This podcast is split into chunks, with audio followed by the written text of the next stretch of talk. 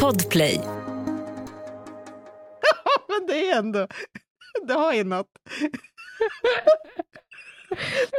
Varför jag är ärlig i alla fall? Gud. Ja, ja, alltid. Och det är ju en av de egenskaper jag älskar mest hos dig.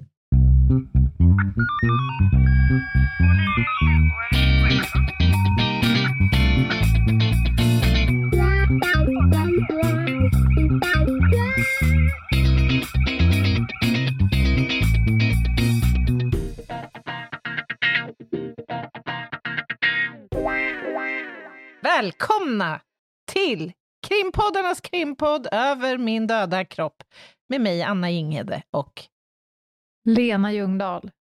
du, du förnimmer lite grann, alltså det är som att stirra lite in i någon som är I döden. väldigt nära att kliva över på andra sidan, så att säga.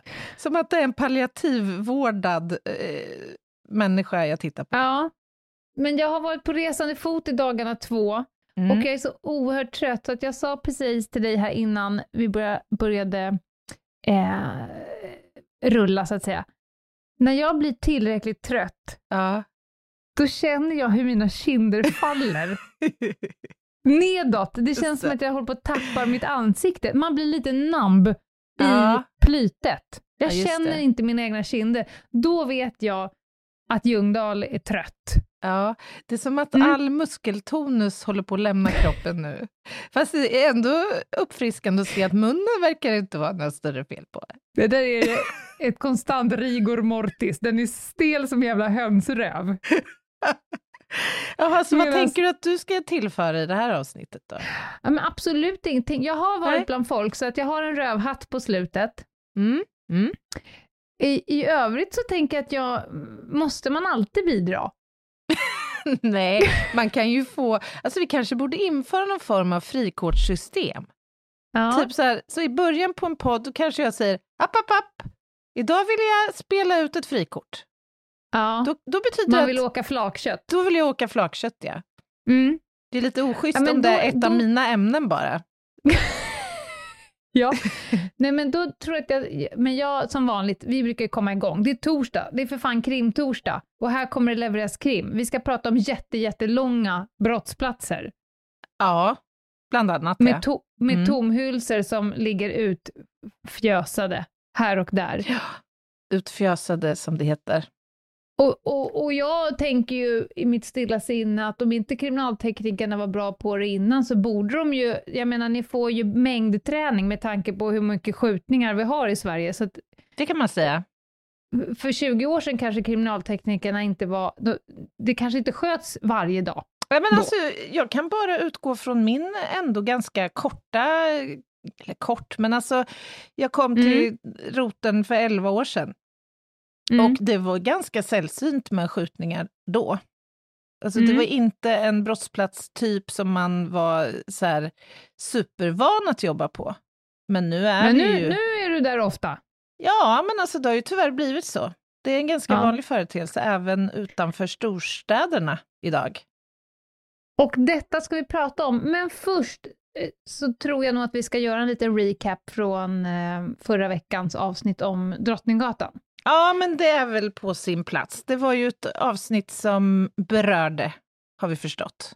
Vi har Mm. fått väldigt mycket fin respons på avsnittet och eh, Åsa också för sin bok och sådär. Ja, och Åsa hade sett våra eh, fina kommentarer.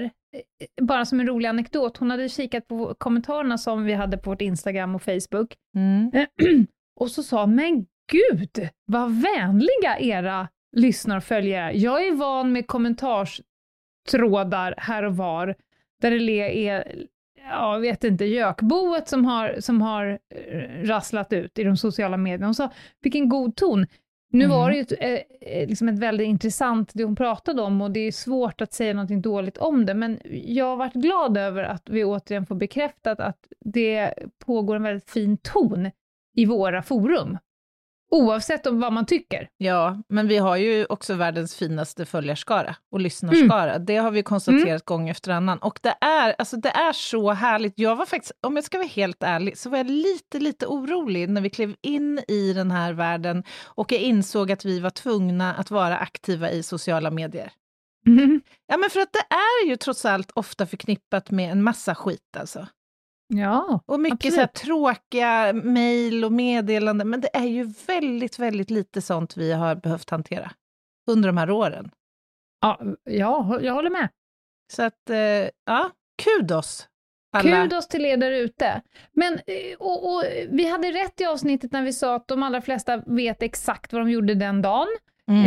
Eh, och vad man kände och vad man tänkte och sådär. Och vi har fått fin respons. En sak som vi inte pratade om, eh, jag och Åsa, mm. av den enkla att vi, vi vet, båda vi har väldigt lite information om det, det är ju eh, själva identifieringsarbetet och kriminalteknikernas arbete på platsen. Jag, jag vet ju vad jag tänker om. Jag, jag, jag ser ju framförallt den händelsen som en PDV-händelse utifrån mina egna intressen och kunskapssfärer. Eh, och, och, jag har ju kollat på liksom, hur man använder taktiken, eh, vad man kommer fram till i utvärderingarna. Jag har ju absolut studerat vad människor gör, för jag tycker det är intressant i min egen utbildning. Mm. Alltså hur agerar folk under akut stress? Vad gjorde folk som hjälpte dem? Vad gjorde folk som kanske borde ha gjorts på ett annat sätt? Och så vidare. Mm. Men, och det här ska vi inte alls prata om, utan din del vad, mm. vad är liksom dina reflektioner kring Drottninggatan utöver det som vi pratade om i det avsnittet, mm. när det kommer till dina expertområden? Ja, men precis. Ja, men det är ju... Ja, dels så har jag ju tankar kring eh, hur det måste ha varit för mina kollegor att utföra undersökningen av platsen, eh, mm. alltså brottsplatsundersökningen, men också för mina kollegor, också kriminaltekniker som hade att utföra den så kallade PM Recovery eh, delen av en DVI-insats. Alltså DVI, ska vi köra en liten recap? DVI betyder mm. Disaster Victim Identification. Och det är ett eh, universellt koncept som kickar igång när vi har att hantera en plats med flera eller många eh, döda till följd av en mm. händelse. Och det, här, det är ett koncept som eh, finns väl dokumenterat och väl beskrivet för egentligen alla eh, länder i världen. Så att tanken är att vi ska jobba utifrån samma koncept. Och i konceptet då så ingår olika faser kan man säga. Varav den första är den så kallade PM recovery-fasen, som mm -hmm. går mhm. ut på PM, PM står för postmortem, alltså efter döden. Och här handlar det om då att skicka ut kriminaltekniker till platsen i syfte att upprätta en lägesbild kring alltså antalet avlidna, skicket på kropparna, eh, hur många har avtransporterats från platsen, finns det tillhörigheter här i området? Ja, alla de här frågorna som mm. har betydelse för själva identifieringen av de avlidna. Parallellt så pågår ju också då den vanliga, om man säger så, brottsplatsundersökningen, som blir aktuell i en sån här händelse när det ju är ett brott i grunden som ska utredas. Just det. Och det här är inte helt okomplicerat. Händelsen på Drottninggatan var egentligen den första eh, skarpa händelsen där konceptet för svensk del tillämpades eh, skarpt efter att man hade gjort ett, eh, ett ganska gediget arbete inom svensk polis att få det här konceptet att sätta sig. Mm. För vi har känt till det vi-konceptet i många år, men vi har liksom inte riktigt tagit tag i det här och utbildat folk i det och fått det att liksom fungera fullt ut. Är det bara kriminalteknikerna som är involverade i DVI-insatsen? Absolut inte. Det är ett flertal pol både polisiära funktioner och andra funktioner. På mm. själva skadeplatsen så är det ju kriminaltekniker då som har att hantera uppmärkningen av kroppar, dokumentation av kropparna, hur de är placerade, hur de ser ut, Eh, redan där kommer tankar väckas kring vilket eh, val av identifieringsmetod som kan bli aktuell. Eh, hur många är avtransporterade och behöver fångas upp på sjukhus och så vidare. Så där är det kriminaltekniker, men sen har vi ju parallellt med det arbetet så kommer ju inledas en fas som går ut på att försöka sätta sig i kontakt med anhöriga till de här människorna som nu då börjar anmälas saknade för att inhämta signalementsuppgifter, uppgifter om var man går till sin tandläkare och var man, hur den här personen brukar vara klädd, eller om det finns eh, andra liksom, viktiga signalementsuppgifter, såsom födelsemärken, operationer och allt vad det nu kan vara. Mm. Och sen har vi en väldigt viktig samarbetsaktör på Rättsmedicinalverket, som har att genomföra de eh, postmortala undersökningarna, alltså obduktionerna, som då sker som en del i en dödsfallsutredning och där en viktig del blir att inhämta uppgifter om kropparna som kan användas för identifieringen. Och det är ju där jag normalt brukar vara verksam, som rättsodontolog. Just det. Mm. Hur, jag tänker på, det här var ju liksom på öppen gata. Ja. Jag kan bara dra tillbaka till när jag satte ner mina små darriga ben för första gången inom Polismyndigheten i Skärholmen, mm. när polisstation Skärholmen 2000, kallt höll jag på att säga. Just det. Ett av de första passen, då var det en väldigt känd, grovt kriminell man, mm. som alla visste vem det var, som var skjuten till döds på öppen gata. Det var ju en sån här, nu för tiden har man knappt blinkat, men då var det verkligen unikt. Mm. Och då, vill jag, då, då minns jag hur det liksom, det är helt öppet, där ligger kroppen. Mm, mm. Och lite så här tafatt så var det någon av de första poliserna som drog liksom som en sån här eh, orange landstingsfilt mm. över kroppen för att inte jag menar, det finns ju massor med hus runt omkring för att inte det skulle finnas mm. 5000 bilder av den här döda man som ligger och, och förblöder ur huvudet mitt på en parkeringsplats utanför socialtjänsten. Mm. Eh, och, och, det kanske inte är, är, ett vinnande koncept att dra en, en fibrig filt över huvudet på någon och sen kom ju avspärrning och sen kom tälten och sen kom de här skärmarna och så vidare. Mm. Men här hade ju de som jobbade en kilometer brottsplats ja. med kroppar utspridda. Hur, hur tänker man liksom till kriminalteknik och identifiering kontra eh, brottsplatsundersökning och säkring av saker? Va, ja, va... Det, det, är ju en utmaning och just det här exemplet så är det ju liksom etiska värden och etiska principer som ska vägas mot eh, så att säga, mm. spårsäkring och annat. Här stod det ju tämligen klart vad de här människorna, alltså tidigt vad de här människorna hade avlidit till följd av för typ av gärning. Just. Och då kanske inte den här känsliga spårsäkringen blir alldeles eh, avgörande i slutändan. så jag kan tycka att etiken ska få komma till sin rätt i ett sånt läge. Men det fanns ju jättemånga utmaningar. Det var alltså 20 eh, kriminaltekniker som var verksamma på platsen, varav fyra var inriktade på DVI och resterande på att utföra brottsplatsundersökningen. Och det är ju mycket, mycket mer än vad, norm, vad som normalt är mm. brukligt. Men ni är inte van att jobba så många på samma ställe? Verkligen inte. Och det här Nej. berodde ju på att det var en enormt stor brottsplats. Den var över en kilometer eh, lång. Och eh, ganska snart stod det klart att det var eh, fem människor som hade avlidit, varav två var avtransporterade eh, till eh, sjukhus. Men det var ju mm. också föremål som låg spridda över den här kilometern. En hund anträffades eh, mm. död.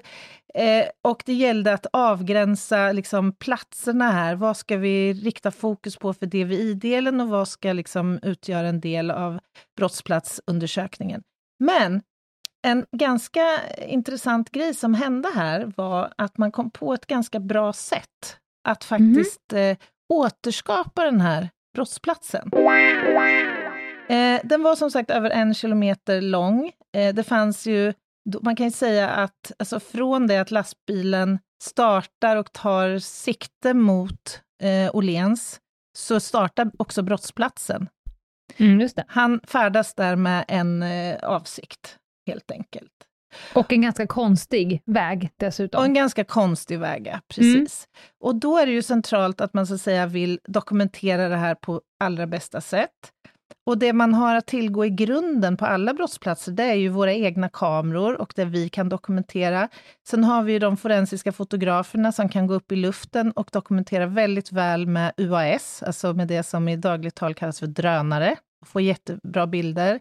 Och sen har vi mm. 360-möjligheten, där man kan få vissa delar då eh, avbildade i, alltså, ja, i 360. Alltså en, mm. Ja, du är med. Alla vinklar liksom. ja, men det här... Eh eh, när jag läste Åsas bok, Hans Irman, Mm. i rätten så visade han ju alltså en återskapning av hela händelseförloppet, Ja, så att, så att man fick helt enkelt uppleva, och jag kan tänka mig hur jävla jobbigt det är för många som sitter inne som kanske var på plats, jag menar målsägande vittnen, att uppleva alltihopa i princip skarpt en gång till, där man fick följa med ovanför bilen, Mm. framför bilen, bakom bilen, man, man fick titta på det igen. Ganska starka scener ändå. ja Till men, skillnad från för några år sedan när man såg liksom en, en, en deppig overheadbild just det. med någon skiss på. Men det var det här som var så unikt alltså, för att man, Mm. man omvandlade då den här en kilometer långa brottsplatsen till, eh, vad ska vi kalla det, ett punktmoln. Alltså man avbildade med lasersensorer den här platsen från 97 olika positioner. Eh, och sen kunde man då visualisera hela brottsplatsen från vyn ifrån lastbilen och där man har tagit hjälp av kriminalteknikernas dokumentation, övervakningsfilm, vittnesiakttagelser och färdskrivaren i lastbilen, så att man kan också följa förloppet i den hastighet som lastbilen har rört sig och Mm. där man har fått olika fasta föremål att förflyttas, alltså man har animerat dem så att allting Mm. är återskapat in i Mm. minsta detalj. Ja, det och var det- ju det de vittnade om, Ja. att det kändes som att jag var tillbaka på gatan en gång till. Precis, och det kan man ju Mm. verkligen föreställa sig att det var ett enormt trauma för dem, Mm. men samtidigt också en enormt viktig del för rätten att faktiskt kunna ta del av, för att få en förståelse över den utsatthet som de här människorna varit utsatta för och brottets natur. Ja, oh ja. Ja, det finns mycket En att säga om det här, men mm, Får jag bara säga, en annan eh, utmaning som eh, Åsa nämnde där, det var ju att det här är alltså Stockholms mest eh, väl eh, trafikerade eh, kvarter. mm, Och det var ett massivt tryck på att öppna upp platsen så Just fort som det. möjligt och dra bort avspärrningarna och återgå liksom. mm. Tror du att kriminalteknikerna hade velat haft eh, platsen städad och i fred under längre tid? Finns det någon sån här, där får man ju vikta, det är Mm. ungefär som att, jag skulle säga, det är ungefär som när det sker en trafikolycka på Essingeleden, man måste ju bara få upp det för att hela Sverige blir en parkeringsplats Mm. för varje minut det står still. Det, måste, det är så många olika saker som ska viktas mot varandra, tänker jag. Ja, men att jobba på brottsplatser innebär ofta flera eh, ganska utmanande frågeställningar, varav en är Mm. hur ska vi avgränsa eh, brottsplatsarbetet? Alltså, det, det är inte alltid nödvändigt att liksom minutiöst gå över ytor på en så stor brottsplats som inte kommer bidra med information för att förklara vad som har hänt på en Nej. plats. Det andra är ju allmänhetens intressen. Eh, att Ja, det är försöka... ingen idé att tjuvhålla på, på yta om man inte behöver den. Nej, det finns absolut inte några sådana liksom, intressen. Så att, ja, nej, jag, jag kan inte svara på hur de eh, kände där och då, men jag vet ju att vi, vi släpper inte platsen förrän vi uppfattar att vi har vad vi behöver för Mm. att kunna rekonstruera händelsen och utifrån fakta på platsen eh, göra en brottsplatsanalys. Ja, men det känns ju tryggt. Mm. Ha, något mer du vill säga om Drottninggatan, eller ska vi gå vidare med skjutningar? Nej, men alltså, Drottninggatan kan man ju prata om i all oändlighet. Det är ju en händelse som har eh, lämnat avtryck hos många eh, i den svenska befolkningen och så även inom det polisiära såklart. Eh, Mm. Och eh, återigen, det var en utmanande och intressant brottsplats att jobba med såklart. Eh, men det finns andra sådana exempel också ju, till exempel det som Mm. vi ska prata om idag, skjutningar. Låt oss ta ett kliv över till brottsplatser där det har skjutits. Och här kanske vi ska höja en liten flagga för att vi har varit inne på eh, ballistiska undersökningar tidigare och skjutningar. Jag tror vi hade ett avsnitt som hette Pang Pang, va? Om jag inte missminner mig. Mm. Oj, oj, oj, det var krutrester Ja. och det var spår, såna här vridna Just det. spår, Tändspetsintryck och som det heter ja. bommar och räfflor. Och... Ja, ska du dit igen nu Anna? Nej, jag tycker inte vi behöver gå kanske så på djupet med de här olika typerna av spår, utan mer kasta oss ut på en brottsplats och försöka beskriva hur arbetet där kan gå till, vad som är liksom utgångspunkten och vad som är det centrala vid de undersökningarna. Får jag backa det hela vägen till när det har skjutits på en plats så kommer Garra, inte kriminalteknikern, var först. Nej. Så vi jag backade hela vägen, för har det skjutits någonstans... Media kommer vara först. Ja, exakt. exakt! Ja. Någon, någon kuf står vid något snöre och, och, tuggar fradga och väntar på att få bli insläppt. Mm. Nej, det, det, rings in, bara för att ni ska förstå, kriminaltekniker kommer ju inte liksom i skede ett, utan det kommer ju komma dit den patrullen som råkade vara ledig och först på plats. Ja. Och, de, och då får man fått reda på att det kanske har skjutits. Det kan räcka med att någon har ringt in och, och tycker att de har hört en skottlossning mm. i ett parkområde.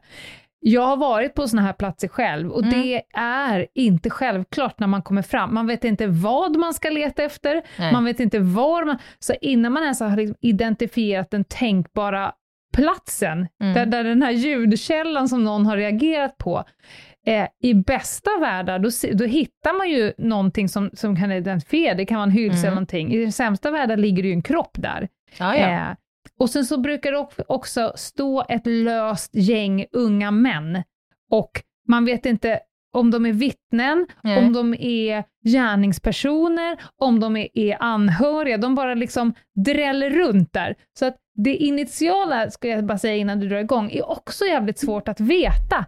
Absolut. Var, var är själva brottsplatsen? Ja. Så man, det slutar ju oftast med att man drar ett sånt här avspärrningsband enligt 2715 rättegångsbalken, mm. i ett stort jädra område bara.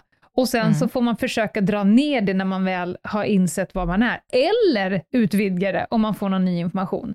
Och sen när man har fryst platsen, börjat lista ut vem man ska höra, vem som absolut mm. inte får lämna, kanske sjukvården har varit där och hämtat med någon, då glider Anna in med sina väskor och ska försöka eh, forensiskt dra igång någon form av arbete, men det har hänt mm. jävligt mycket innan det ligger en annan på alla fyra Definitivt. Och, och, och, och försöker titta på olika saker. Det var bara en liten kontext. Ja, men jag håller med dig Lena, och jag sitter och funderar här när du pratar om det kan vara så att allmänheten också kanske är lite mer hypersensibla. Alltså det är ju inte ovanligt att det faktiskt inkommer samtal till RLC, alltså regionledningscentralerna, mm. om eh, att man har uppfattat att det möjligen kan vara fråga om skottlossning eller att ett skott avlossas. Men det är som du säger, det kan vara jättesvårt att identifiera ju att det faktiskt är eh, en ja, skjutning. Det däck som har exploderat. Ja, precis. Fyrverkeri. Eller som den här stackaren som ringde till polisen och var lite halvkass på svenska, mm. som skrek eh, det är någon som skiter i mitt trapphus. Varpå larmoperatören sa att då får du ringa till lokalvårdarna, du har kommit till polisen nu. Nej men det är någon som skiter i mitt trapphus! Och innan hon förstod att hon menade att det var fullfjädrad skottlossning utanför ja. dörren. Ja. men, I alla fall när, när, vi kallas ut till platserna så är ju det liksom ett lägsta krav på något sätt. Det är ju att man ska ha identifierat att det faktiskt finns en brottsplats. Just det. Och att eh, det har begåtts eh, ett brott där, eller vad man tror är eh, ett brott. Och vad kan det vara fråga om för brott i de här sammanhangen då? Ja, det kan vara allt ifrån ja, mord, mordförsök. Men det kan ju också vara fråga om självmord faktiskt, men där det inte i initialskedet står klart att det är fråga om ett självmord. Det händer ju också eh, att vådaskjutningar inträffar.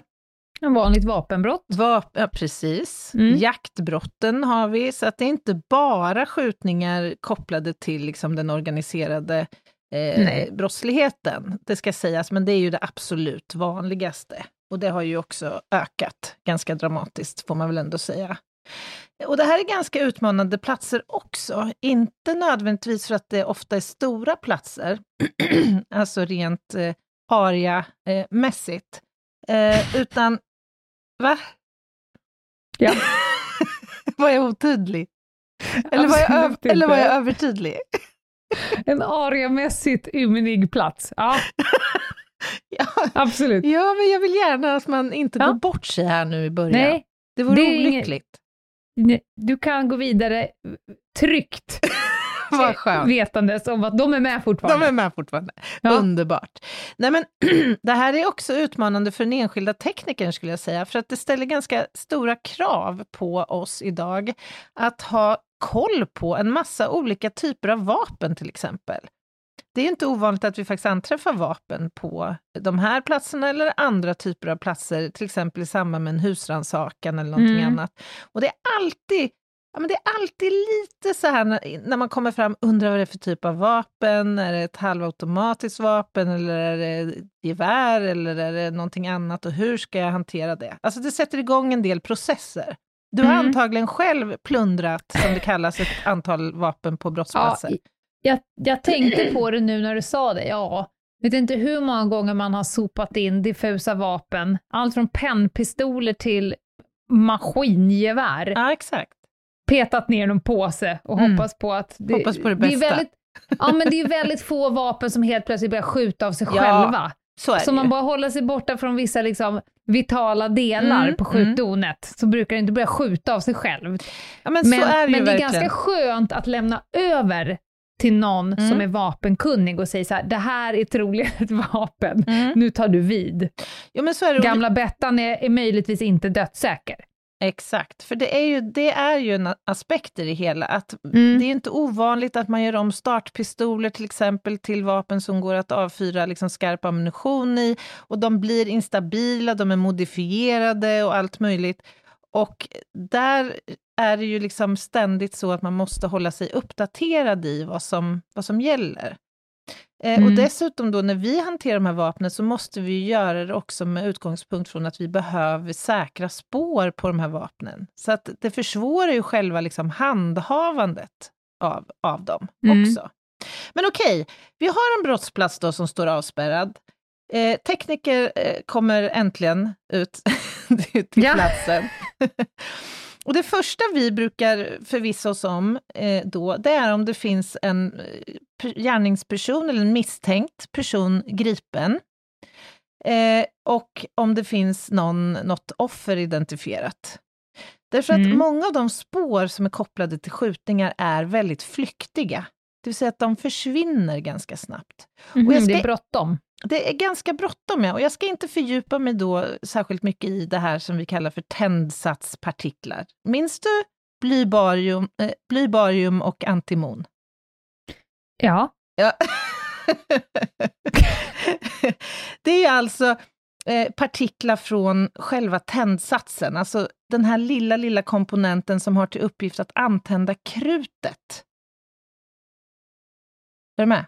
Och när den här Ja. lilla förbränningen sker så kommer också skjutas ut då rester från den här lilla tändsatsen. Just. Och de kan ju fångas upp på en misstänkt persons skjuthand.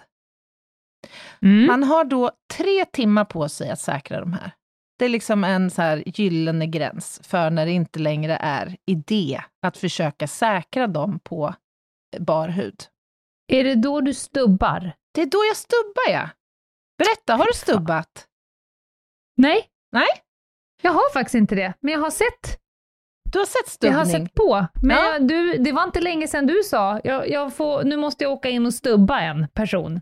Just det, Då tänkte jag i mitt stilla sinne att nu ska han åka till någon som har skjutit.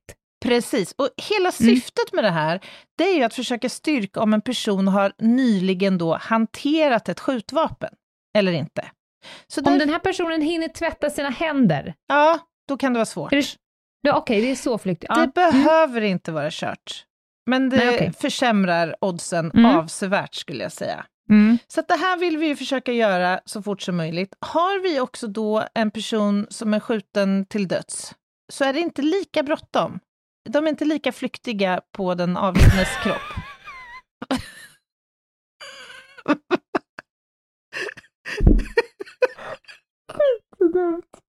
Alltså ibland har vi en avliden person och då har vi inte lika bråttom för de är inte lika flyktiga. Alltså min poäng här är att det inte är lika bråttom att säkra eventuella tändsatspartiklar på en död människa. Så Nej. som på en levande. Det var det jag ville få sagt. Det framgick. Vad bra, vilken tur. Ja. Och Daniel, du kan klippa det här, den sista minuten. Daniel, du låter det vara. Du låter det vara, säger jag. Det där får vi göra upp om sen. Okej, vad kan det vara för frågor då man vill försöka besvara genom sin brottsplatsundersökning? Har du någon, har någon idé på någon frågeställning? Ja, jag skulle vilja veta om det har skjutits Mm. och av vem, mot Ja. vad. Med vilken typ av vapen kanske? Just det. Eh, hu- hur många skott? Ja, Med, med vilken typ av skott? Ja. Kanske? snyggt. Ja, men det är ju utomordentligt väl resonerat. Sådana där saker som jag tänker vore bra att veta i en brottsutredning. Ja, exakt. För att det ska någonstans, som vanligt ska det allt det här leda till en lagakraftvunnen dom kanske. Det är därför du håller på med dina stubbningar och allting annat. Ja, det är ju en ganska primär liksom, utgångspunkt för mitt arbete, kan man säga. Mm. Nej, men, eh, precis, hur många avfyrningar har skett? Vad är det frågan om för vapen och ammunition? Vad är det för skottriktningar? Det, det, man kan ju inte utesluta att det har förelegat fara för annan, till exempel. Nej. Annan Mm. än den som faktiskt har varit målet för den här skjutningen. Vilken position har offret haft och vilken position har skytten haft? Vad har föregått den här händelsen? Kan man uttala sig om det? Har, kan man identifiera en plats där man har stått och bällat eller stått och inväntat en person i syfte att skjuta? Nu fnissar, nu fnissar igen. Mm. Jag tror inte att alla plockar ordet Bella. Nej, förklara då. Äh, haft utkik. Precis, haft utkik. Ja, men det tror jag inte. Jag tror att det är både dialektalt och snutslang. Ja, det kan det, kan det vara. Mm. Det kan vara en Ja. kombination. Nej, men också såklart händelserna efter en skjutning. Finns det en flyktväg här som vi behöver försöka hitta? Och kan, kan vi hitta spår längs en flyktväg eller från eh, någon annan närliggande plats där man har uppehållit sig före brottet som kan bindas till personer som kan vara intressanta för utredningen? Så det, det är ganska många frågeställningar som vi vill försöka besvara genom eh, en undersökning då på platsen. Och då tänkte jag lotsa oss igenom lite grann vilka typer av spår som faktiskt kan vara intressanta på en sån här plats. Det kommer du verkligen få göra efter vi har tagit en paus. Ja, gärna! Då blir det spårsäkring för hela slanten. För hela ballistiken. Ja. Nu går vi på paus. Yes. Ett poddtips från Podplay. I fallen jag aldrig glömmer djupdyker Hasse Aro i arbetet bakom några av Sveriges mest uppseendeväckande brottsutredningar. Går vi in med hemlig telefonavlyssning och, och då upplever vi att vi får en total förändring av hans beteende. Vad är det som händer nu? Vem är det som läcker? Och så säger han att jag är kriminell, jag har varit kriminell i hela mitt liv men att mörda ett barn, där går min gräns. Nya säsongen av Fallen jag aldrig glömmer på Podplay. Välkomna tillbaka. Det är krimpoddarnas krimpodd Över min döda kropp. Och Anna håller nu på att eh, säkra spår runt tänkbara döda kroppar med tanke på att skjutvåld eh, våld är jätte, jättefarligt. Mm. Eh, och nu skulle du precis leda oss in på vilka typer av spår som kan vara in, av intresse efter en skjutning. Just det. Ja. Vi, vi, pratar, vi har redan pratat lite grann om vapen på platsen. Det är ju alltid superviktigt eh, att försöka säkra så fort som möjligt och eh, intressanta grejer att jobba vidare med såklart. Ehm, och det av, detta av flera orsaker. Dels så vill vi ju undersöka om de här vapnen är funktionsdugliga så att de faktiskt till, till en början faller in under vapenlagen. Alltså så att liksom, Mm. brottsmisstanken håller. Det är liksom en första utgångspunkt såklart. Eh, Men också så kan ju defekter i vapnet och liksom en funktionalitetstest av vapnet säga oss någonting om liksom ett förmodat förlopp av projektiler. Och alltså vad som Mm. händer när man avfyrar vapnet. Typen av vapen och modell är såklart intressant. Eh, vilken typ av ammunition som kan avfyras med hjälp av det här vapnet. Vilka spår som vapnet avsätter. Finns det märkningar på eller kan det identifieras på något sätt? Kan det kanske till och med kopplas till andra skjutningar? Eller bindas till Mm. andra brott? Och så vidare. Men vi får inte glömma bort här eh, våra biologiska besudlingar. Eller hur? De får hänga med. De får hänga med. Du tänker att gärningspersonen har satt eh, humana spår på sitt vapen? Ja, gärningspersonen kan ha avsatt både DNA och fingeravtryck eh, och annat på eh, vapnet. Men det kan ju också vara så att det har använts för ett påsittande skott till exempel, alltså i direkt kontakt med ett mm. offer. Och då kan det finnas eh, biologiska spår från offret. Hår eller blod eller muskel eller fett eller någonting annat. Och dessutom... Hur ser det ut? Ja. Nu måste jag bara backa. Påsittande skott, någon går fram och trycker en pistol mot eh, en kropp och skjuter av. Kan du, kan du beskriva hur det ser ut på den kroppen mm. som har haft ett direkt påsittande skott på sin hud? Mm. Om det är på bar hud så ser vi ofta en smutsring eller en sotring mm. som orsakas då av att det byggs ju upp ett högt tryck när pipan läggs direkt mot huden och eh, ja, kulan helt enkelt trycks ut ur pipan och för, det följer med gas, gas helt enkelt från, från eh, vapnet. Mm. Eh, och ja. där orsakar en svärtning eller en sotring då, som sagt. Och ibland så följer ju också då hud, alltså vävnad följer med in i ingångshålet. Är det över en yta där det finns kläder så kan delar av textilen liksom följa med in i sårkanalen helt enkelt. Eh, och vi är alltid intresserade av naturligtvis också att se om det finns ett utgångshål på kroppen. Just det. Eh, så det kommer vi också leta efter då. Det är också jävligt varmt. Alltså vi vet ju alla som har stått på en skjutbana, mm. eh, så när man står till höger om någon som är högerhänt och så slungas ju hylsorna ut. Mm. Och så kan de ju landa innanför ens eh, tröja och skyddsväst. Just det. Har du känt på det någon gång? Absolut. Ja. När man står och hoppar som en tok och klappar på sig själv så här. Eller ännu värre, som jag var med om en gång, när den landar mellan skyddsglasögonen och ögonlocket, så man hör nästan hur det så här fräser upp lite ja. ögonlock. Om man nu trycker en, ett vapen mot, det blir, liksom inte också bränn eller är... Inte uppenbart så att man Allt kan... Allt är väldigt varmt ja. i just det ögonblicket. Men det är ju, men jag har inte uppfattat att det Nej. tolkas som liksom brännskada, men det är ju också för att det är ofta sotigt. Ja, så att det. det är säkert påverkan av, av värme också naturligtvis. Ja. Men på vapnet också så kan det finnas smuts till exempel. Och den här smutsen kan vi analysera för att försöka få en bild av var vapnet har hanterats någonstans. Det kan vara helt andra typer av avsättningar på vapnet mm. eh, som kan vara intressanta.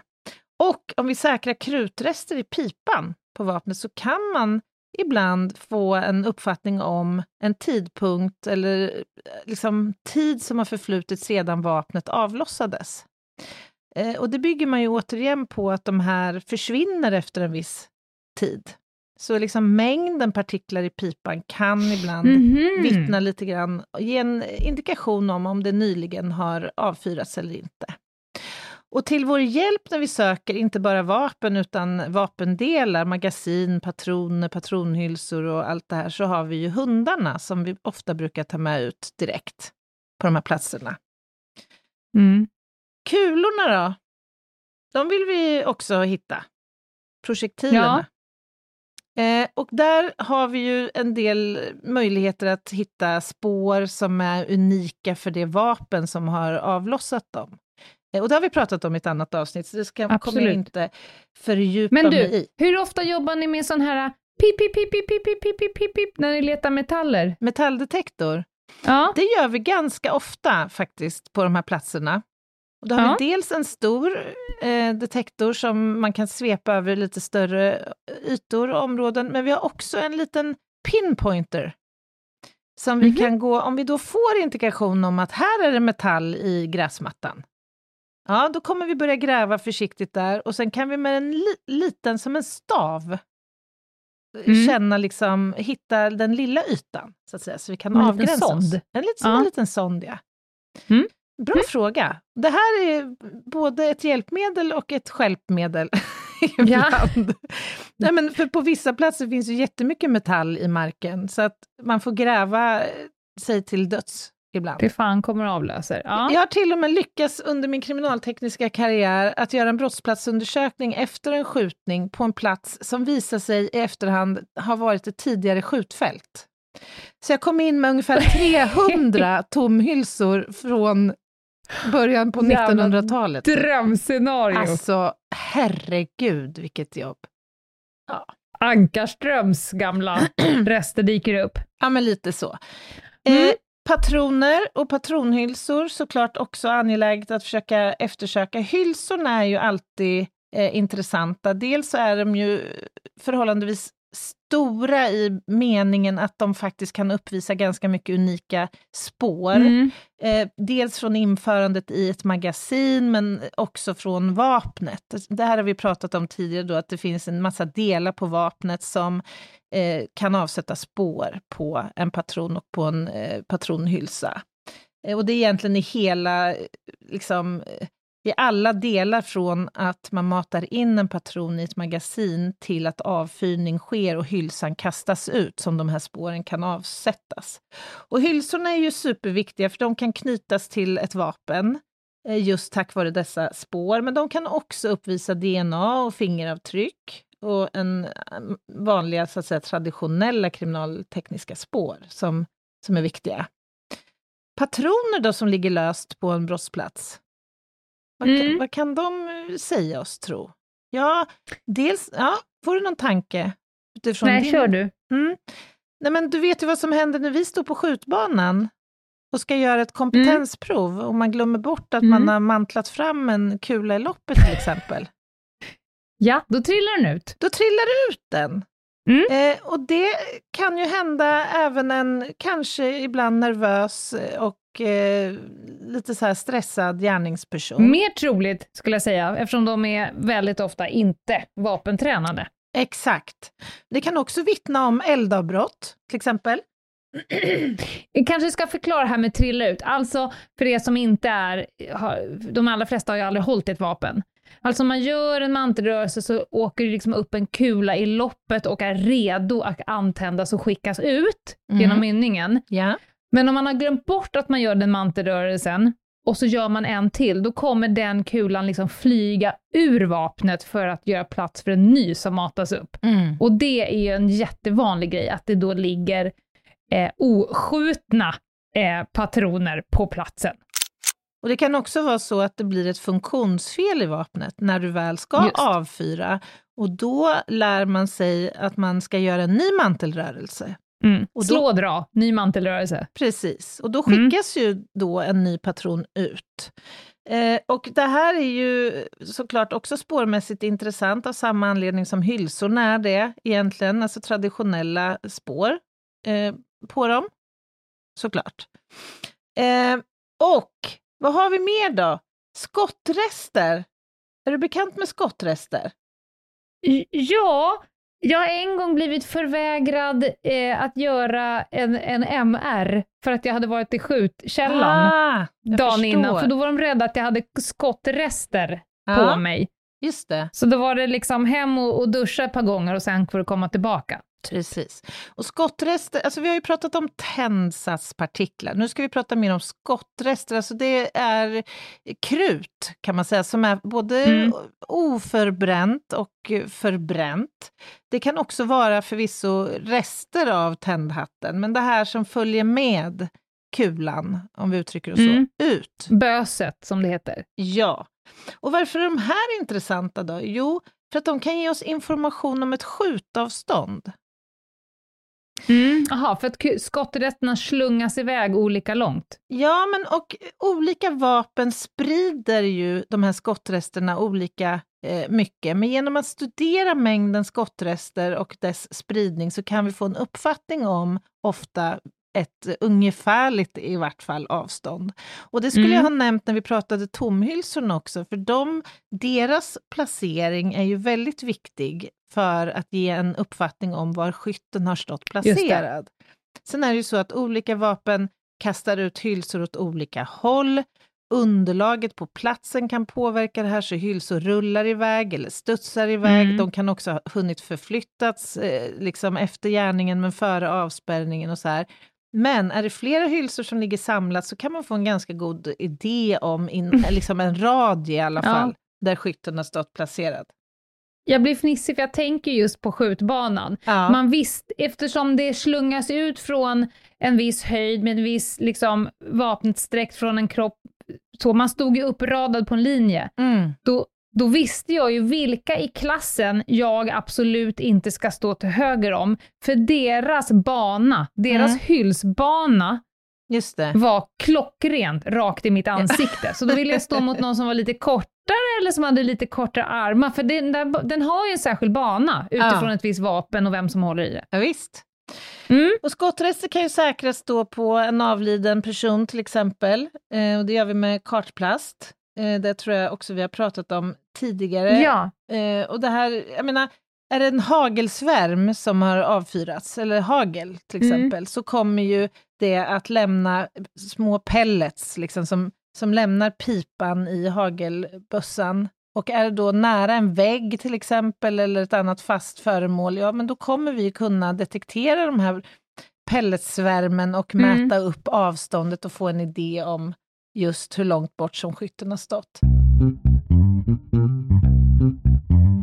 Nu ska vi prata lite grann om kulbanor, skjutriktning och lite mer kompletterande kring skjutavstånd. För det är också såklart viktigt att försöka utreda på de här platserna. Eh, ja, jag tänker ju som om man skulle då leda en förundersökning i det här.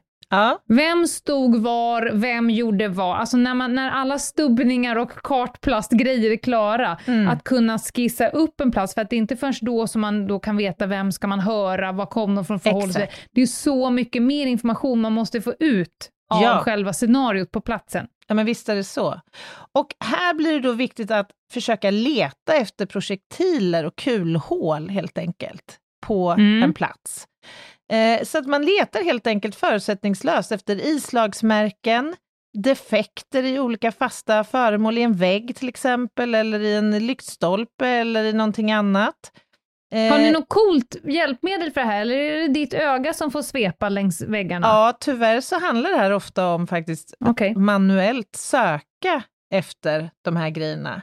Och hittar man kulhål så studerar vi ju dem naturligtvis. Och, och, utifrån hur de ser ut så kan vi få en uppfattning om en vinkel som mm. kulan har träffat det här aktuella föremålet.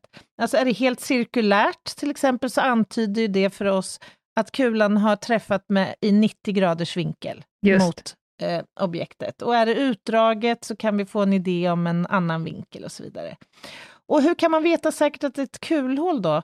Ja, det kan man egentligen inte om man inte kör en BTK, en Bullet mm. Hole Testing Kit. det är Aha. alltså eh, en kemisk reagens som man använder som kan påvisa eh, kemikalier, grundämnen som finns i, i eh, ja, ammunition helt enkelt. Okay. Som kan mm. ge oss en indikation om att det faktiskt här är fråga om ett kulhål eller inte. Om det sitter en kula där också, då kan det också vara en stark indikator. Det kan det vara, men det är inte givet att man ser den, förstår du, lilla hjärtat. Nej.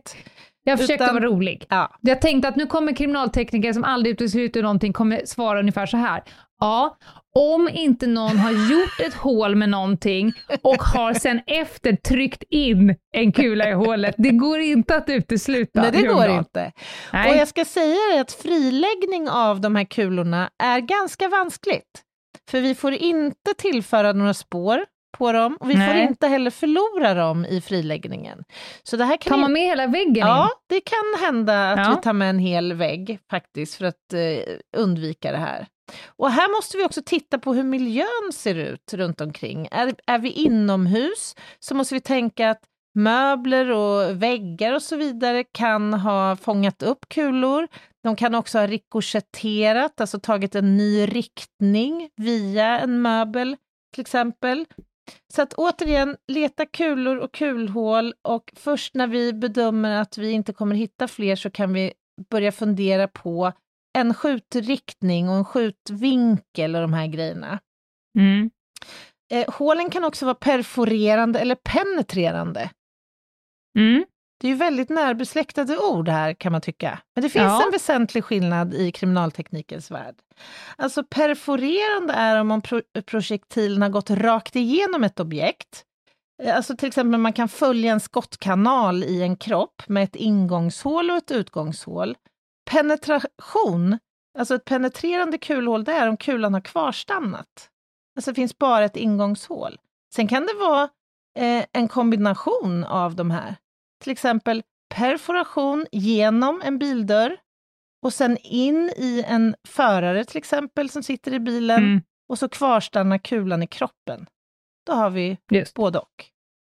Okej, vi måste också fundera på kulfång. Finns det väggar här och annat då som kan ha fångat upp en kula eller fått de här kulorna att, att byta eh, riktning?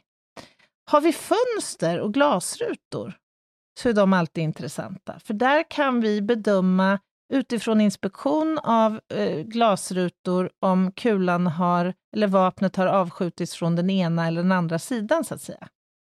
Det är väl spännande? Alltså det är så här, mm. om du riktar vapnet mot ett fönster, det här gäller inte alla glastyper, är det härdat glas så gäller lite andra principer till exempel.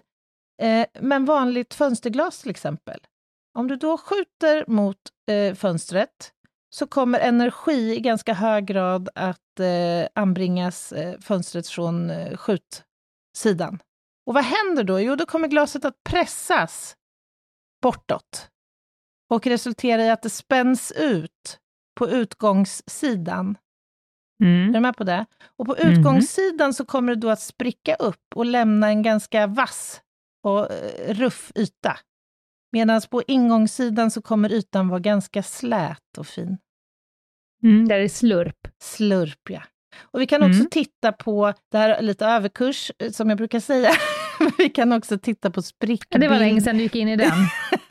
vi kan titta på sprickbildningar och eh, mäta upp radiella, som det kallas, sprickor i glas. Eh, och särskilt om det har då avfyrats flera projektiler mot det här glaset så kan de här sprickbildningarna ge oss en idé om vilken som avfyrades först kontra sist och så vidare. Mm. Eh, avståndet är viktigt, som vi var inne på, skjutavståndet. Och när vi har ett offer, en avliden då på platsen, så kommer vi att titta på sårkanalen, eh, såklart. Eh, och du var in, vi har ju pratat om det redan, om det är påsittande skott, vad som karaktäriserar det. Det är viktigt såklart att då först och främst bedöma vad som är ingångshål och vad som är utgångshål. Och eh, intressant där, eh, kanske för vissa, jag tycker det är ganska intressant, det är att ingångshålet är ofta mindre än utgångshålet på kroppen, så det är ett, en sån sak som vi kan titta på. Näravståndsskott. Framförallt med polisens tjänsteammunition. Mm. Mm. Berätta, hur tänker du? Ja, men det var ju lite rabalder när den skulle bytas, för den har ju eh, en, en egenskap som gör att den ska stanna i kroppen och inte fara iväg och träffa eh, ytterligare personer. Men det gör ju också att den trasar sönder en del in mm. i kroppen. Ja, och Väldigt menar... kort och pedagogiskt beskrivet så ska den inte intakt bara fara rätt genom kroppen och sen in i nästa kropp och nästa kropp, utan den ska liksom bromsas upp in i kroppen och då Precis. blir det lite fulare på baksidan. Ja men absolut, och det här fenomenet kan ju också förklara varför liksom ett, en kula som avfyras mot en kropp kan byta riktning väldigt tvärt, till exempel, mm. eh, beroende på då vad det är för typ av ammunition. Genom att till exempel träffa skelett eller bendelar så kan ju kulan leta sig ut eller ta en helt annan riktning och sådär. Exakt, ibland får man inte ihop ingångshål med utgångshål. Man undrar vad som hände där inne, men då har den ju bytt riktning. Exakt. Mm. Eh, och alla de här fynden då som man har gjort, kulhål, islagsmärken, vinklar som man har försökt att utläsa, kommer man ju försöka summera då till en eh, liksom, uppfattning om var skytten har stått i relation till sitt offer eller till objektet som har beskjutits. Och här kan vi också då ta till vår hjälp olika typer av eh, hjälpmedel, laser till exempel, som, som vi kan då, om vi har liksom ett första, låt säga att vi har ett eh, ingångshål genom ett fönster, och sen så har kulan gått in i en vägg eh, nere vid golvet, så kan vi ju då genom att använda en laser få en idé om var skytten måste ha stått placerad och i vilken vinkel mm. som skottet har avlossats. Den gamla hedliga metoden var att spänna upp nylontrådar. Eh, man kan också använda sig av sonder, raka, långa pinnar helt enkelt för att och, och, det här blir ju viktigt om det är flera skott som avlossas, till exempel in mot en, eh, en bil till exempel. Så kan man ju då mäta upp eller rikta upp alla de här kulbanorna och i skärningspunkten, om du förstår vad jag menar, där har ju då skytten stått. Är du med på det? Ja. Mm. Eh, och allt det här kommer ju naturligtvis dokumenteras. Använder man laser så kommer man fotografera det här snyggt eh, så att man sen kan visa i protokoll och i rätten eh, vad, ja, vad man har landat i för slutsatser helt enkelt. Görs nu detta eh, i varenda skjutning som sker i Sverige? Ja, mer eller mindre skulle jag säga. Sen beror det på vad mm. det är för ingångsvärden. Ibland kan det vara så här att ja, det är en person som sägs ha avlossat tre skott rätt upp i luften och sen avvikit från platsen eller så där. Mm. Och då kommer ju våra ingångsvärden vara de att vi ska styrka ett grovt vapenbrott kanske och då kommer ju vi inte leta kanske efter kulhål och så. Eh, alltså, då är det ju tomhylsorna som är intressanta, ja. spår från den gärningspersonen. Så det beror mm, helt men jag på tänkte vad det är för... alla de här, man kan bli lite så här deppig, man läser varje dag att det är någon ny kille skjuten till döds. Mm. Och jag ville egentligen med min fråga inbringa lite trygghet i att varenda gång, att kriminaltekniken kommer inte börja hantera det här som någon form av slentrian, utan man Absolut gör den rigorösa inte. undersökningen varje ja, gång. Ja, ja, ja, det är av allra högsta dit. vikt. Det är ju faktiskt ofta tack vare kriminaltekniken som vi lyckas få fällande domar i de här fallen. Och mm. dessutom tack vare de spår vi säkrar faktiskt kan kartlägga hur vapen rör sig mellan olika grupper och kanske binda till exempel ett vapen till ett annat ouppklarat brott. Så att var kommer alla vapen ifrån? De som ni hittar nu och som, kan man spåra bakåt? Finns det något? Ja, ibland kan Hur ska vi liksom det. stoppa vapen flödet? För det finns ju extremt mycket vapen i Sverige. Ja, men visst är det så. Mycket vapen kommer ju från eh, forna Jugoslavien till exempel. Mm. Eh, öststater är ju, har ju varit ganska vanligt. Eh, så att ja, det är väl en fråga till tullen kanske. Jag vet inte. Mm. Se till att stoppa det här nu, tullen. Gör det bara.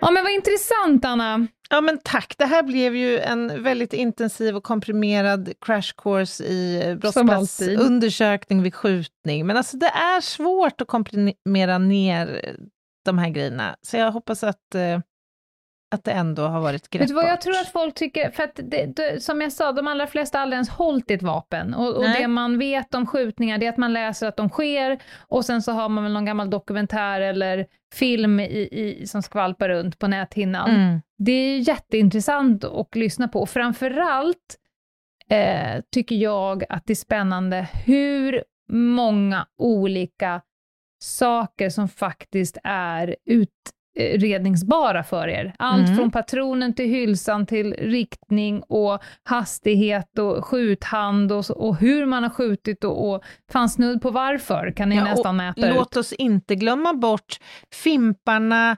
saliven, spottloskorna, ja, prillorna, svetten, Ja. Alltså de här grejerna, alltså det är lätt mm. att när vi pratar om sofistikerade kriminaltekniska metoder, det är ganska lätt att glömma bort den traditionella kriminaltekniken mm. som ofta blir vägvinnande i det långa loppet. Personen har varit så orolig så att han har också bajsat på sig. Ja, det händer, mm. kan jag säga. Ja. Nåväl, Lena, det var det mm. om det. Men jag är orimligt intresserad av att höra om din rövhatt. Men ska vi gå emellan med lite samhällsinfo först? Ja, men låt oss. Imorgon är det fredag, hörni. Och det är också första fredagen efter löning och det betyder bara en sak i eh, ÖMDKs universum och det är att det släpps en månads merch. Och denna gång så är det en, en merch som eh, heter Never underestimate my sneakiness. Och det här är ett uttryck som jag har sagt så många gånger i mitt liv, så att jag funderar på att göra det som en tramp stamp i svanken på mig själv bara. Berätta, har du någon historia eller? Nej men alltså, det finns få gånger, jag, jag brukar säga att jag är väldigt svår att kränka, Mm. det är jag. jag. Jag startar nästan alla mina föreläsningar med det, att liksom, hit me bara ifall du tänker något eller inte håller med och så vidare. Däremot så har jag, har jag kommit på att jag har ganska svårt för människor som underskattar eh, min, min nivå av sneakiness. Mm. Men också har jag ju livnärt mig på att jag har en sån oerhört hög nivå av sneakiness. Mm. Eh, eh, och eh, hur, uttal, eller hur översätter man sneakiness? Jag vet inte, vad är den rimliga? För att om jag säger liksom, Inte lömskhet, Ja, fast det är någonting men det- negativt. Ja, ja. Min... Eh, det är någon form av finurlighet, utstuderande. ormighet. Ja, Vad sa du? ja, utstuderande eller ormighet. Jag ja. hör ju nu att, jag kanske, att det kanske inte är så positivt. en, en utstuderat lömsk orm. Absolut, jag köper det. Men, men alltså, och eh, det är ju att ha en, så här, det är att ha en räv bakom varje öra. Mm. Att, att, att vara sneaky, så som att lista ut saker. Eh, om du tror att du har kommit på någonting så är det för att jag vill att du ska tro att du har kommit på någonting. Mm. Och man kan dra det hur långt som helst. Det är ju spaningens essens, att vara sneaky. Just det. Och då har jag ju önskat en sån merch, den kommer nu och den är också skitsnygg stilistiskt illustrerad av eh, Milla, Desi- vår husdesigner som hon har blivit. Just det. Detta kommer då alltså i morgon fredag, eh, hela fredagsdygnet, i 24 timmar, eller 23 timmar och 59 minuter säljs den. Det är inte först till kvarn, utan alla som går in på podstore.se det dygnet och klickar hem det får köpa det och sen så finns den inte längre. Just det. Det är så vi har bestämt att det ska funka. Så passa på att köpa ett stycke textillömskhet. Ja, om du är med i Team Sneaky. Just Eh, För övrigt så la jag ju ut en fråga på vårt Instagram. Ja, jag såg det. Vad roligt. Mm. Vad är det mest sneaker har gjort? Vi har ju, vi sa i början på det här avsnittet att vi har fantastiska lyssnare, vi har också väldigt, väldigt sjuka, djupt störda lyssnare.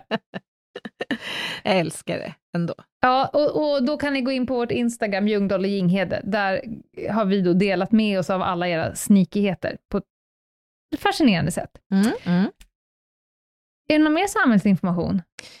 Nej, det är om Live- man kanske också vill mejla oss på hejatljungdahloginghede.se. Och det börjar dra ihop sig för livepodd. Jag, jag tog nu fram min almanacka här Aha. och jag räknar Nej, En, nej, nej, två, tre, fyra, fem. Det är alltså sex dagar till premiär, Ja. Ginghede. Tack. Tack för upplysningen. Det är alltså Malmö 4 maj, sen åker vi hem den femte, sen är det Örebro 7 maj, Mm. Hjalmar Bergman, Ja. teatern. Mhm. Sen åker vi hem och vilar upp oss över helgen. Sen är det Göteborg 12 maj. ja. Och där Kommer du bara dra Göteborgs eh, vis- vitsar Alltså när jag, vi kommer till jag, nej, Göteborg? men jag funderar faktiskt på att göra varje livepodd helt på den dialekten vi är i den staden. jag kommer karva sönder mina eh, karotiskärl, om du ens tänker tanken. I Örebro till exempel så kommer jag komma in på scenen och säga här kommer jag fischa runt. Eller vad det hette. Hascha runt. Fy tja om vi ska köra en livepodd där. Ja, Ja. ja, ja. ja. Mm. Och sen så den 15 är vi i, på Rival i Stockholm och så avslutar vi alltihopa i Umeå Mm. den 19. Det tyckte jag var lite roligt för det sa de så här, ja, men Olof Wretling är här varje dag ungefär. Ja. Och hans nya heter Kaffet. För att man säger tydligen kaffet i, i liksom bestämd form. Mhm. Att nu ska jag dricka kaffet. Och då sa jag det till dem uppe i Umeå, på väven då. då. De bara, nej, det är typ bara Olof Wretling som säger Ja, det. just det. Ja. Och det är bara han som kommer undan med det också förmodligen. Där har vi det, Anna! För fan Där vad kul vi den. ska ha det. Ja, härligt. Men nu, håll mig inte på halster längre. Lenas rövhatt. Ja, tackar, tackar. Nej men alltså jag hade svårt. Jag, eh, I sanningen ska fram så skrev jag till dig i panik. tre minuter innan räck-knappen. Mm. Fan, är det rövhatt idag? Ja, och det är i sig ett sjukdomssymptom ju, att Ja. du inte direkt bara tar fram Kastar en ur rockärmen. Nej. Ja. Jag, jag är liksom för trött för att vara arg, men då började jag nibbla. Jag- började öppna upp de mörka rummen i mig. Mm, för jag tänkte, där finns det ju skit att hämta. Där fanns lite skit så att säga. Nej men först så tänkte jag så här, ska jag kasta mig på Ebba Busch Thor? Eh, är det den vägen jag skola vandra för att liksom, det borde skjutas mer? Mm. Nej. Och så tänkte jag, så här, ska jag ha en hel rövhatt och, och, och försöka lära folket lite om våldseskalering eh, och också att det inte är så kul att skjuta människor och så här. Nej, tänkte så här, jag stänger den boken. Mm. Jag går inte dit. Mm. Och så började jag nibbla på en annan tänk, tankbar, tänkbar sak. Det var ju att jag åkte tåg idag, satt bredvid en man som hade ett skägg och från skägget hade det fallit vita olika typer av humana eh, restmaterial. Och sen, och sen snarkade han på det här sättet att det lät så här. Vilket gjorde att det här, eh, det blev, det kändes som att jag satt i en sån här snöglob, du vet man skakar. Just det, det blir och så resonans. snöar en, Mm. alltså snöar en stund tills det faller till marken. Just det. Och, och så vill han- man ha stämning igen och så skakar man. Det kändes som jag satt inne i snögloben. Men så kom jag på så här. Jag ska inte ta någon av de rövhattarna. Jag ska ta en kort, kort, kort, kort nibblande god rövhatt. Mm. Jag har kört mycket bil i veckan. Mm. Mm. Det vet jag. Och låt mig prata lite om tre olika typer av omkörningstekniker Åh. som, som skola dö. Är det den vägen vi ska vandra idag alltså? Vi ska vandra den vägen. Mm. Och det är tre saker man inte ska liksom ge sig på människor. Det är hur de uppfostrar eh, sina barn, hur de uppfostrar sina djur och hur de kör bil. Ja. Och jag älskar att ge mig på samtliga dessa tre saker. Mm. Men, nivå ett, det är snubben som ska köra om, men som inte kan låta bli att titta på den de kör om. Just Så det. att varje gång man blir omkörd så är det också, man möter liksom face mot, ja. du vet, man känner sig iakttagen. Mm. Mm. Vad är syftet med det egentligen? Ja, det är väldigt oklart för att se så här, och nu måste jag titta på vem jag lyckades liksom Köra köra om. Just det. Ja, det är Ungefär som att fräscht. jag har liksom fällt ett byte nu och Ja. måste likt Braveheart titta dig djupt i ögonen. Just det. Och sen, och sen upptäcker de, Är, det. är det lite för att markera att min bil är snabbare än din bil?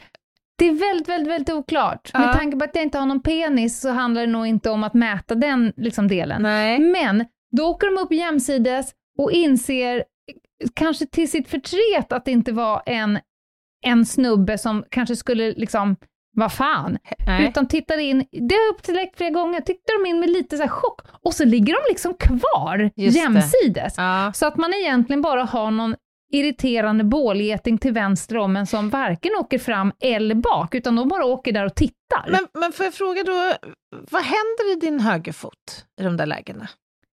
Nej men det händer, jag kommer inte ge dem det de vill ha. Nej, du gasar inte på lite, lite, lite extra? Absolut inte. Nej, det har hänt att jag har gjort Om, det, faktiskt. om jag inte ser att vägen håller på att avsmalnas och då lägger jag mig Mm. exakt rätt tempo så att han kommer dö mot en betongsugga. Nej, nej, nej, nej, jag gasar inte. Nej, Men det var i alla fall kategori ett. Just Jävligt det. jobbigt. mm, Kategori jobbig. två, det är de som kommer som skjutna ur en kanon, Mm. kör in framför en Ja. och bromsar. Ja. Eller glömmer bort att de har en höger fot. Mm. Så att man helt enkelt måste köra om dem direkt. Och då kommer de gärna också ofta igen. Mm.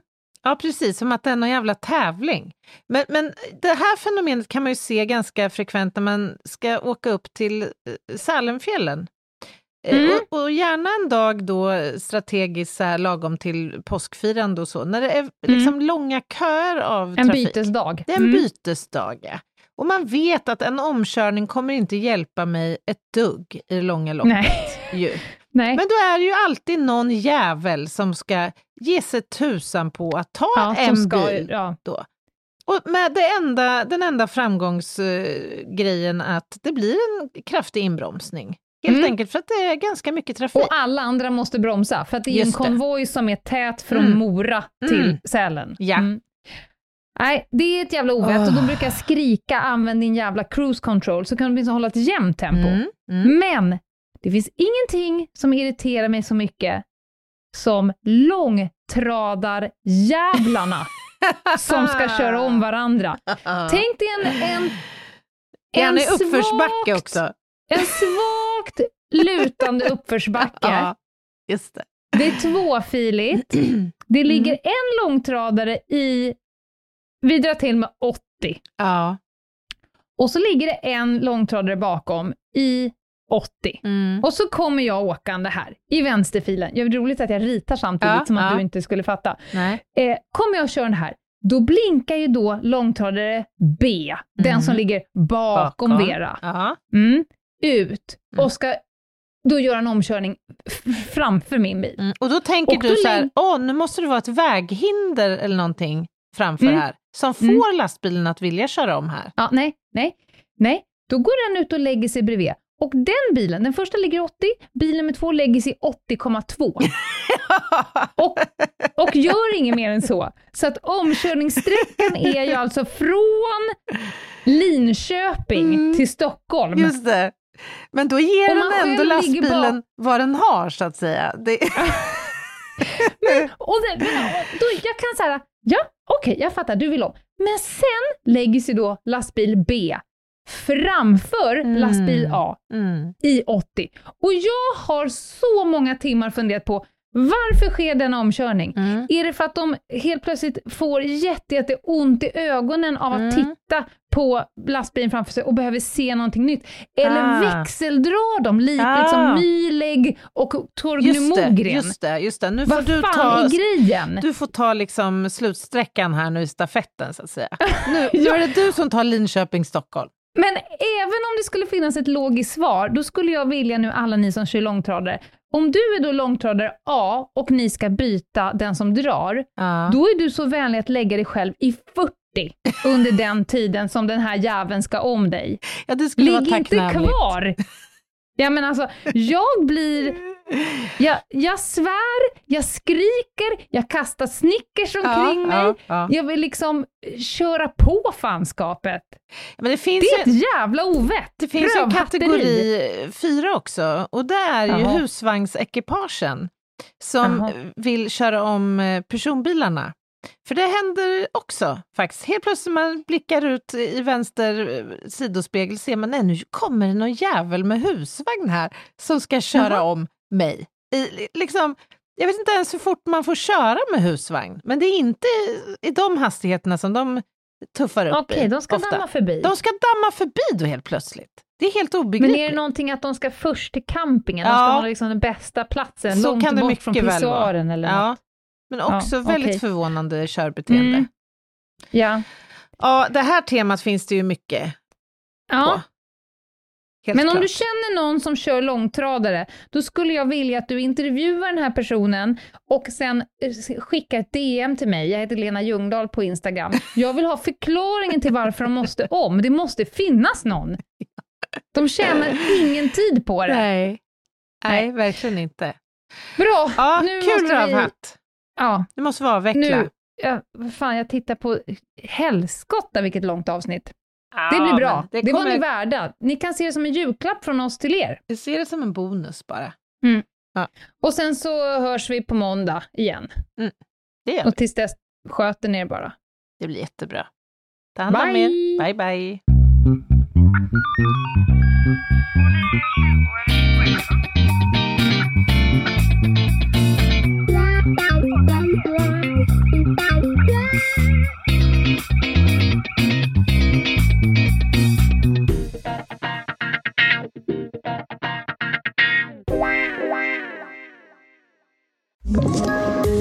Poddtips från Podplay.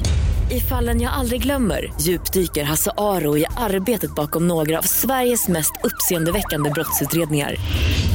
Går vi in med hemlig telefonavlyssning och, och då upplever vi att vi får en total förändring av hans beteende. Vad är det som händer nu? Vem är det som läcker? Och så säger han att jag är kriminell, jag har varit kriminell i hela mitt liv men att mörda ett barn, där går min gräns. Nya säsongen av Fallen jag aldrig glömmer på Podplay.